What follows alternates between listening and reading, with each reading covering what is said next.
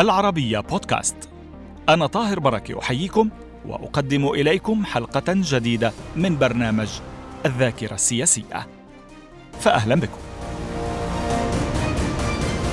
في الحلقة الثالثة يشير المنسق العام السابق لقوى الرابع عشر من أذار في لبنان فارس سعيد إلى أن الوثيقة التأسيسية من أجل الحوار التي أعلنها لقاء قرنة شهوان في العام 2000 صدرت بهدف تأييد نداء المطارن الموارن المطالب بانسحاب الجيش السوري من لبنان. سعيد يتحدث في الحلقة عن التهديدات التي واجهتها المعارضة وقتها وشملت سلسلة توقيفات من عناصر تابعين للتيار الوطني الحر والقوات اللبنانية.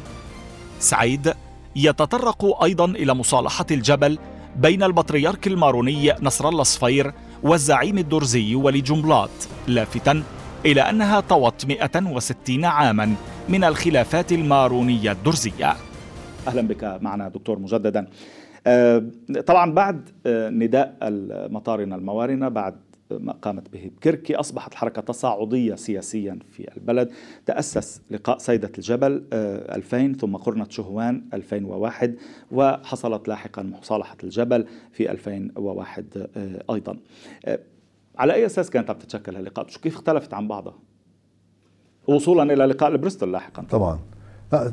سيدة جبل كانت كانت يعني لقاء آه، أسسته أنا وسمير فرنجي آه، سبق لقاء آه، ارنة شهوان.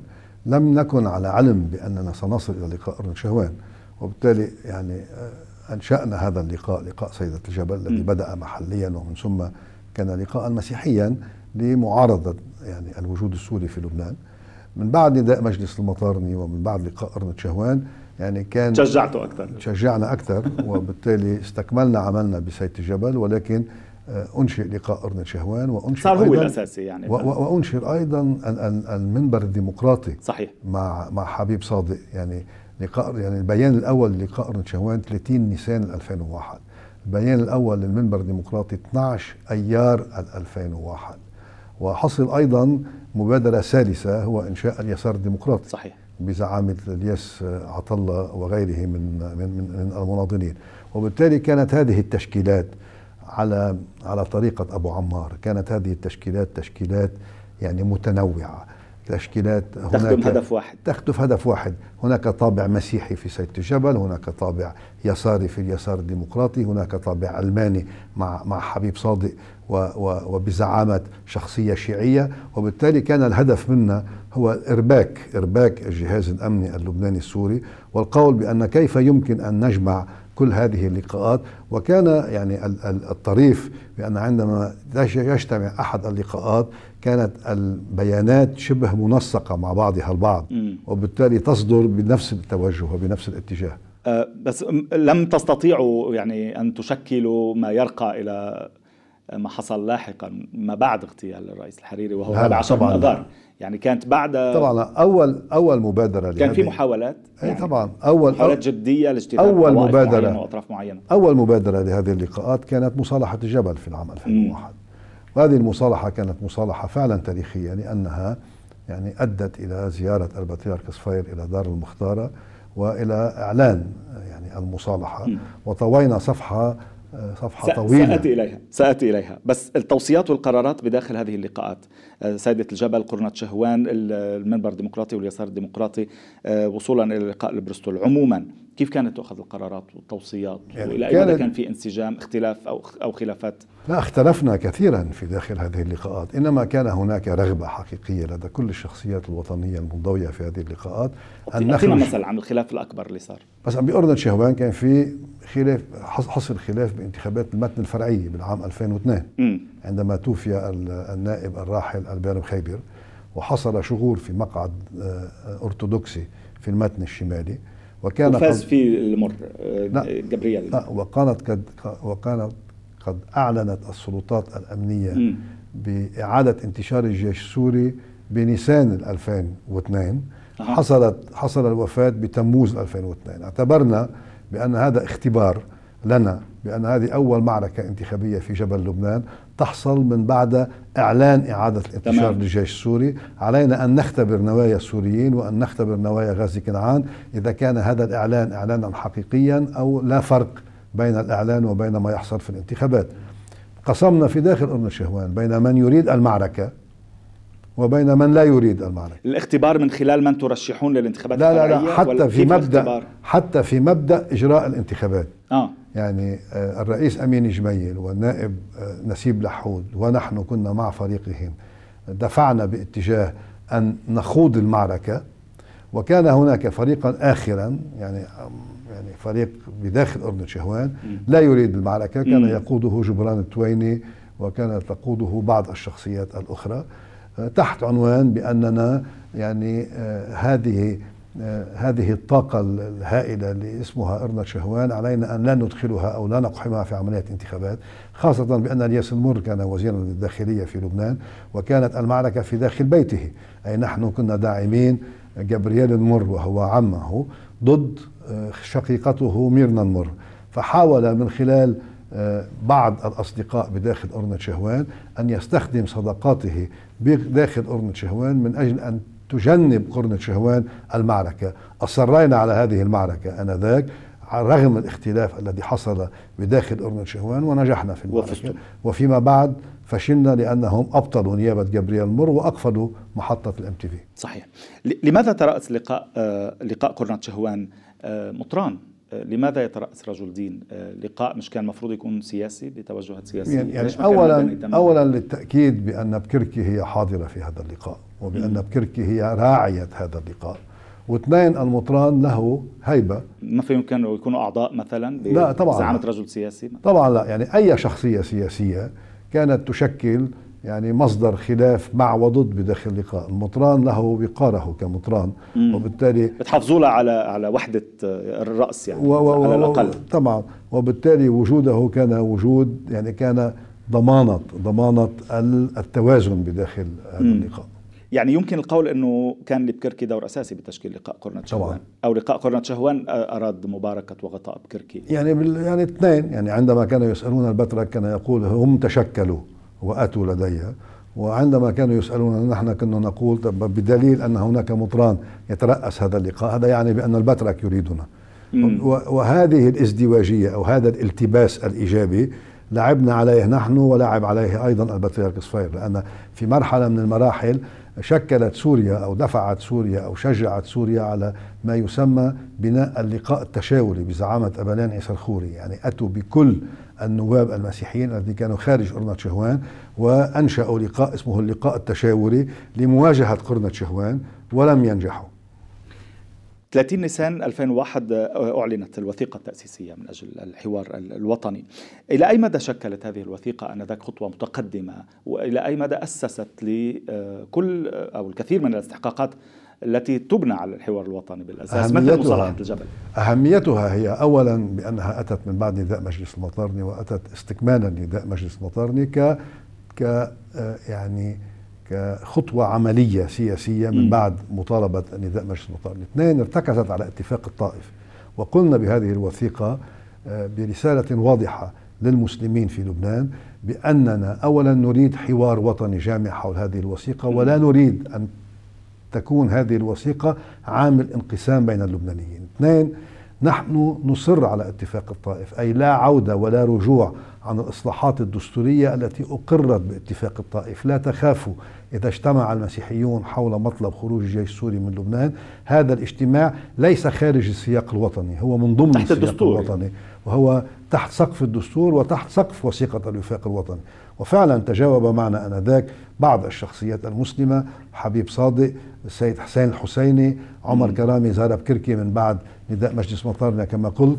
ولكن آه، المرجعية الإسلامية بين هلالين أو المسلمة الوازنة التي كانت تلاقينا كان وليد جملاط عندما تكلم بداخل مجلس النواب وعندما ارتضى بموضوع المصالحة وزاره البطريرك صفير في الجبل. وهو ما نتحدث عنه الآن مصالحة الجبل برعاية البطريرك آه، مرثر الله بطرس صفير الراحل ورئيس الحزب التقدم الاشتراكي وليد جنبلاط لماذا اقتصرت المصالحة على البطريرك من الجانب المسيحي؟ لم يكن هناك أحزاب المسيحية موجودة آنذاك. حزب الكتائب كان مصادرا. القوات اللبنانية كانت محلولة وزعيمها كان في السجن, السجن. ميشيل عون كان منفي. الرئيس لاحقا يعني. ميشيل عون كان خارج خارج لبنان وبالتالي كانت تمثل أرنة شهوان بزعامة صفير. يعني الجو المسيحي العام. وكان طبعا للرئيس دوري شمعون الذي كان رئيسا للحزب الوطني الأحرار كونه ابن كمين شمعون وكونه زعيم في دير الأمر دورا في هذه المصالحة التي حصلت معنا يعني بيننا وبين الزعيم وليد جملان لكن آه، شو كنت تسمع من البطرك صفير عن هذه المصالحة؟ يعني بال يعني بالكواليس معلش أو باللقاءات الخاصة حاول حاول الرئيس امين لحود أن آه، يعني أن لا تحصل المصالحة بين بين البترك صفير وبين آه، وليد جملات وأن واللي بين ببعض المشاكل والتوقيفات اللي صارت مثلا بالكحالي آنذاك. يلي صارت من بعدها بسبعة آب. بسبعة آب صارت. لا باثناء يعني ما أعقب المصالحة. تمام يعني باثنين اب المصالحة حصلت باثنين اب إيه يعني بليلة اثنين اب حصل توقيفات على كوع الكحال بالضبط. يعني هاي الاشكالات تمام وبثلاثه وباربعه اب وبسبعه اب صارت الشهيره طبعا. طبعا الاعتقالات الشهيرة. ولكن البطريرك صفير كان مصرا كان يعرف تمام المعرفة بأننا إذا أردنا أن فعلا أن تخرج سوريا من لبنان علينا أن نحول هذا المطلب من مطلب مسيحي إلى مطلب وطني. مم. وأقرب الزعامات المسلمة التي كانت قريبة يمكن أن تتبنى هذا النهج. ان تتبنى هذا النهج كان وليد جملات وكان الأكثر شجاعة آنذاك. ولا أعرف يعني حتى هذه اللحظة لا نعرف إذا كان يعني وليد جملات نسق مع رفيق الحريري آنذاك أو لم ينسق. نحن لم يكن يعني لدينا علاقات مع الرئيس رفيق الحريري بس كيف صارت البداية المقاربة؟ هالموضوع هالمصارعة؟ ذهبنا ذهبنا يعني كان يربط آه، الله يرحمه سمير فرنجي بوليد جملات علاقة أخوة علاقة مم. صداقة وعلاقة يعني خلال الحرب الأهلية وما بعد الحرب الأهلية آه، أولا ذهب الرئيس أمين جميل للأماني في أيلول الألفين لزيارة المختارة ووقعوا على وثيقة آه، بين الرئيس أمين جميل وبين الوزير بين الوزير وليد جملات إنما مم. يعني كان الوزير كان الرئيس أمين جميل يمثل الرئيس أمين جميل يمثل القاعدة الكتائبية. تمام. ما كان يطالب به ولي جملات هو التمثيل المسيحي الأوسع من الأحزاب وبالتالي كان يطالب بالكنيسة. عملنا مع بإطاره الجامع يعني. نعم. على أهمية طبعا يعني طبعا أهمية الرئيس جميل. وشجاعة خطوة الرئيس جميل الذي الذي كسر الجليد في أيلول 2000 قلت أن الرئيس لحود كان شو التوصيف؟ متضررا أو لم يكن يريد أو كان يريد هو أن يرعى هذه المصالحة؟ أعتقد بأن الرئيس لحود كان أو كان أو السوريين ما كان يعني النظام السوري ما كان بده إياها مثلا؟ اولا أكيد النظام السوري ما كان بده إياها. بس كمان الرئيس لحود كان يعتبر نفسه إنه هو يعني ممثل أو سفير الموارنه لدى الدولة اللبنانية. أي شيء يحدث مع الموارنه عليه أن يمر به. وبالتالي هذا الموضوع لم يمر بالرئيس لحود وكان يعني آه، غير موافقا على هذه الخطوة. وعملوا. كان مر يعني لو مريتوا عبره كان مر الموضوع أصلا؟ ما كان مر. لا لا لا أعتقد لا أعتقد. على جميع الأحوال يعني هذه المصالحة طلب بها آه، وليد جملات وطالب بها أيضا البطريرك صفير إيه بس و... كمل لي لو سمحت بالمقاربة كيف صارت. يعني آه ذهب أمين جميل في البداية الرئيس الأسبق آه ولكن قطعت الأمور ومن ثم سمير فرنجي إلى إلى الألقاب. إلى حين صدر البيان الأول لأرنة شهوان. تمام. واتفقنا بأن أول عمل يجب أن نقوم به هو موضوع المصالحة مع وليد جملات فذهب. فذهبنا إلى وليد جملات وتكلمنا مع وليد جملات واتفقنا مع وليد جملات على موعد وتكلمنا طبعا كل هذا يعني بإرشادات البطريرك صفير وبتوجيهات البطريرك صفير وبمساعدة المطران يوسف بشارة واتفقنا على أن يكون 2 آب هو يوم اللقاء. أتى بعض الاعتراضات الدرزية آنذاك من قبل فريق الأمير طلال إرسلان. أنه إذا كان البطريرك الماروني يريد أن أن يزور منطقة الشوف آه، من بعد الحرب الأهلية فلماذا يزور دار المختارة ولا يزور دار خلدي؟ تمام. ف في إطار الانقسام التاريخي بين بين اليزبكيين وبين جملة في الجبل نعم. فقط من أجل أن يعرف المشاهد العربي تفضل. حصلت يعني آه، حصلت آه، حصل اقتتال درزي ماروني بين 1840 و 1860 ومن ثم في العام 1958 ولم تحصل ولا يوم مصالحة. أي مصالحة جبل في 2 اب 2001 كانت مصالحة لطي صفحة من 140 سنة من الخلافات. أوف. ولم تحصل يعني ولا مرة مصالحة. وبالتالي لم تكن فقط عملية الحرب الأهلية كانت عملية طي صفحة الخلاف المارون الدرزي الذي بدأ بال 1840 ولم ينتهي بال 1958 و 1984 طبعا كان طي لأنه حتى هذه اللحظة نحن نعيش تداعيات هذه المصالحة المباركة ولولا هذه المصالحة لما حصل ما حصل في الجبل من عودة للمهجرين ومن اطمئنان كامل لدى الجميع. طبعا بس اقسام تعتقد الطرفين كان في قدموا الضمانات الكافية أو أخذوا الضمانات الكافية؟ يعني يعني أنا أعتقد بأن هذا مشروع نحن عم نحكم هلا بعد 18 سنة عمليا. إيه بس هذا مشروع عمر الشعوب يعني. بس هذا مشروع ليس كما يقال في في اللغة الإنجليزية one shot event هذا م. ليس ليس يعني زيارة فقط. هذا بده تراكم هذا هذا مشروع هو أمانة في أعناق المسيحيين والدروز من أجل أن يراكموا سنة وراء سنة طبعا. ومن أجل معرفة يعني تداعيات هذه الزيارة وكيف يجب تحصين هذه الزيارة إلى الأمام طيب آه، كان في آه، بعض التهديدات السرية في تلك الفترة آه، كان في بعض التوقيفات العلنية وبعض الأحداث والمشاكل العلنية اللي بتصير في تلك الفترة مثل مثلا توقيف دكتور توفيق الهندي آنذاك اتهمت السلطة بتلفيق تهم له إضافة فعلا. إلى وفعلا كان الرجل بريئا.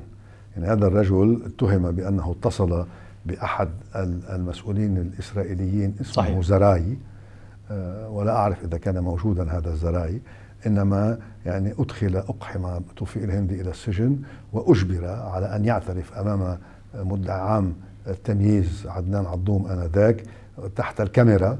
وعلى مشهد جميع اللبنانيين صحيح. بأنه التقى زراي وبأنه كيف اجبر ماذا قيل له؟ كيف تعامل معه؟ أنا اعتقد بانه تعاملوا معه بخشونة استثنائية خلال التحقيق مما أجبر توفيق الهندي للاعتراف أو للتوقيع على على على محضر لم يكن صحيحا وبالتالي حتى حتى ينجو من من, من أي مكروه آه، أجبر كان الهدف اتهام هذا يعني الفريق اللي بيمثله توفيق الهندي بالعمالة هو كان الهدف إرهاب سيد إرهاب آه، قرنة شهوان وترهيب قرنة شهوان تم توقيف أيضا بعض القيادات العونية آنذاك ولكن خرجوا جميعهم من السجن ما عدا أعتقد حبيب يونس الذي كان صحفيا الذي بقي في السجن لمدة سنة.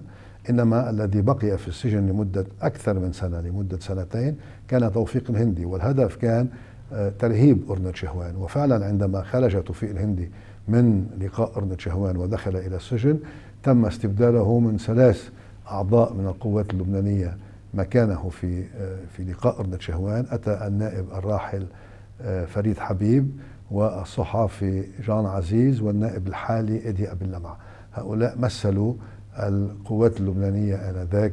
وطبعا ستريدا جعجع كانت يعني في المحطات المفصلية تحضر الاجتماعات ولكن ليس في المحطات الروتينية. زوجة رئيس حزب القوات اللي كان لا يزال في السجن آه، لماذا لم يزور البطريرك صفير سوريا؟ كان موقفا مبدئيا وعندما زار البابا سوريا البابا يوحنا بولس الثاني يعني حصلت عملية ضغط وعملية ترغيب وعملية يعني رسائل وزيارات للبطريرك الماروني حتى يستقبل البابا في الشام واتفقنا في داخل أرنة شهوان بحلقة ضيقة جدا يعني كنت فيها أنا وسمير فرنجي والمطران يوسف بشارة وسيمون كرام بأن ننصح البترك بأن لا يزور وجميع الأحوال نصيحتنا كانت نصيحة بلا معنى لأن البترك كان قراره بعدم زيارة آه، الشام. وأنا آه، كيف كان يرد على الفاتيكان يعني ما ما ما يعني كان أو على الدعوات حتى يعني أنا أعتقد بأن بينه وبين البابا كانت علاقة ممتازة. وقال للبابا بأنه إذا زار الشام ولم يأتي بأي شيء بأي مكسب وطني من أجل لبنان هذه الزيارة ستحسب عليه ولم تعطي أي نتائج. وبالتالي تفهم البابا هذا الوضع. ولكن للتاريخ تكلم معي جميل السيد أيضا آنذاك أتكلم بالعام 2002 شو كان يدقدق لك كثير آه، دقدق لي بال 2001 وبال 2002 لأنه بحلقة سابقة أيضا حكينا إيه إيه. طبعا.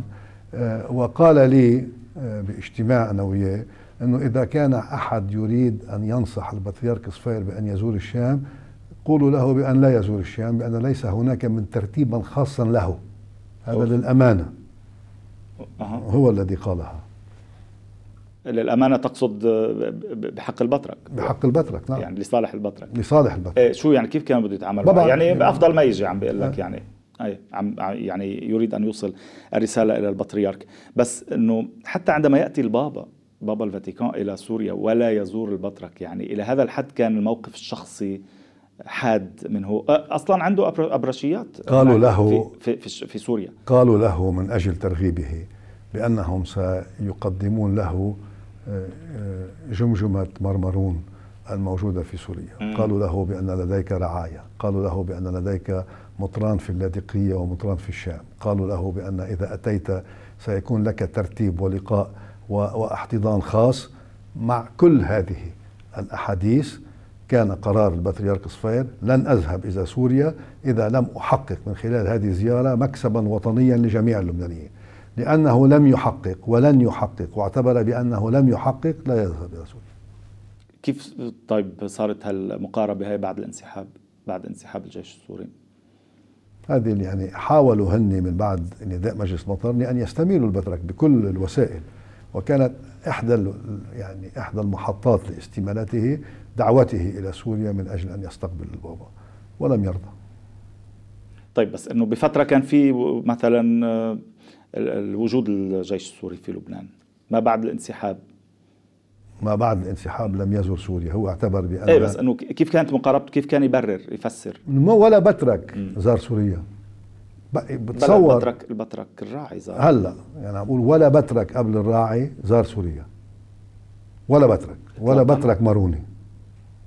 بتاريخ لبنان؟ بتاريخ لبنان. وعلى الأقل على الأكيد بتاريخ لبنان الحديث. يعني أول بطرك ماروني يزور الشام هو البطريرك الراعي. لماذا البطريرك الراعي يزور والبطاركة الآخرون كلهم لم يزوروا؟ أنا ذاك كانت يعني عملية إشكال أن يكون لبنان جزء من سوريا وأن يكون لبنان مستقلا آه، يعني إشكالية حادة لدى اللبنانيين وبالتحديد لدى الموارنة الذين كانوا يطالبون منذ البداية أن لا يكون لبنان جزء من سوريا وأن يكون لبنان مستقلا.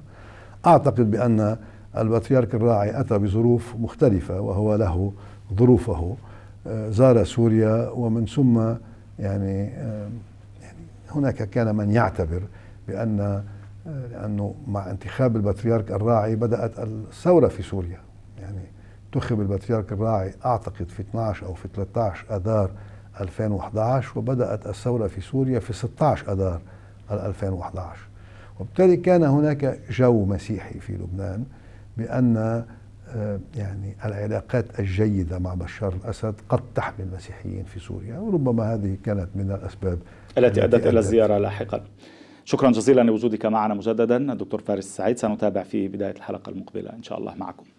هكذا نكون قد وصلنا إلى ختام هذه الحلقة. أيضا من الذاكرة السياسية مع دكتور فارس السعيد منسق عام قوى الرابع عشر من أذار سابقا في لبنان والنائب اللبناني الأسبق. نتابع وإياه وإياكم مشاهدينا الكرام في بداية الحلقة المقبلة. وإلى اللقاء. Thank you.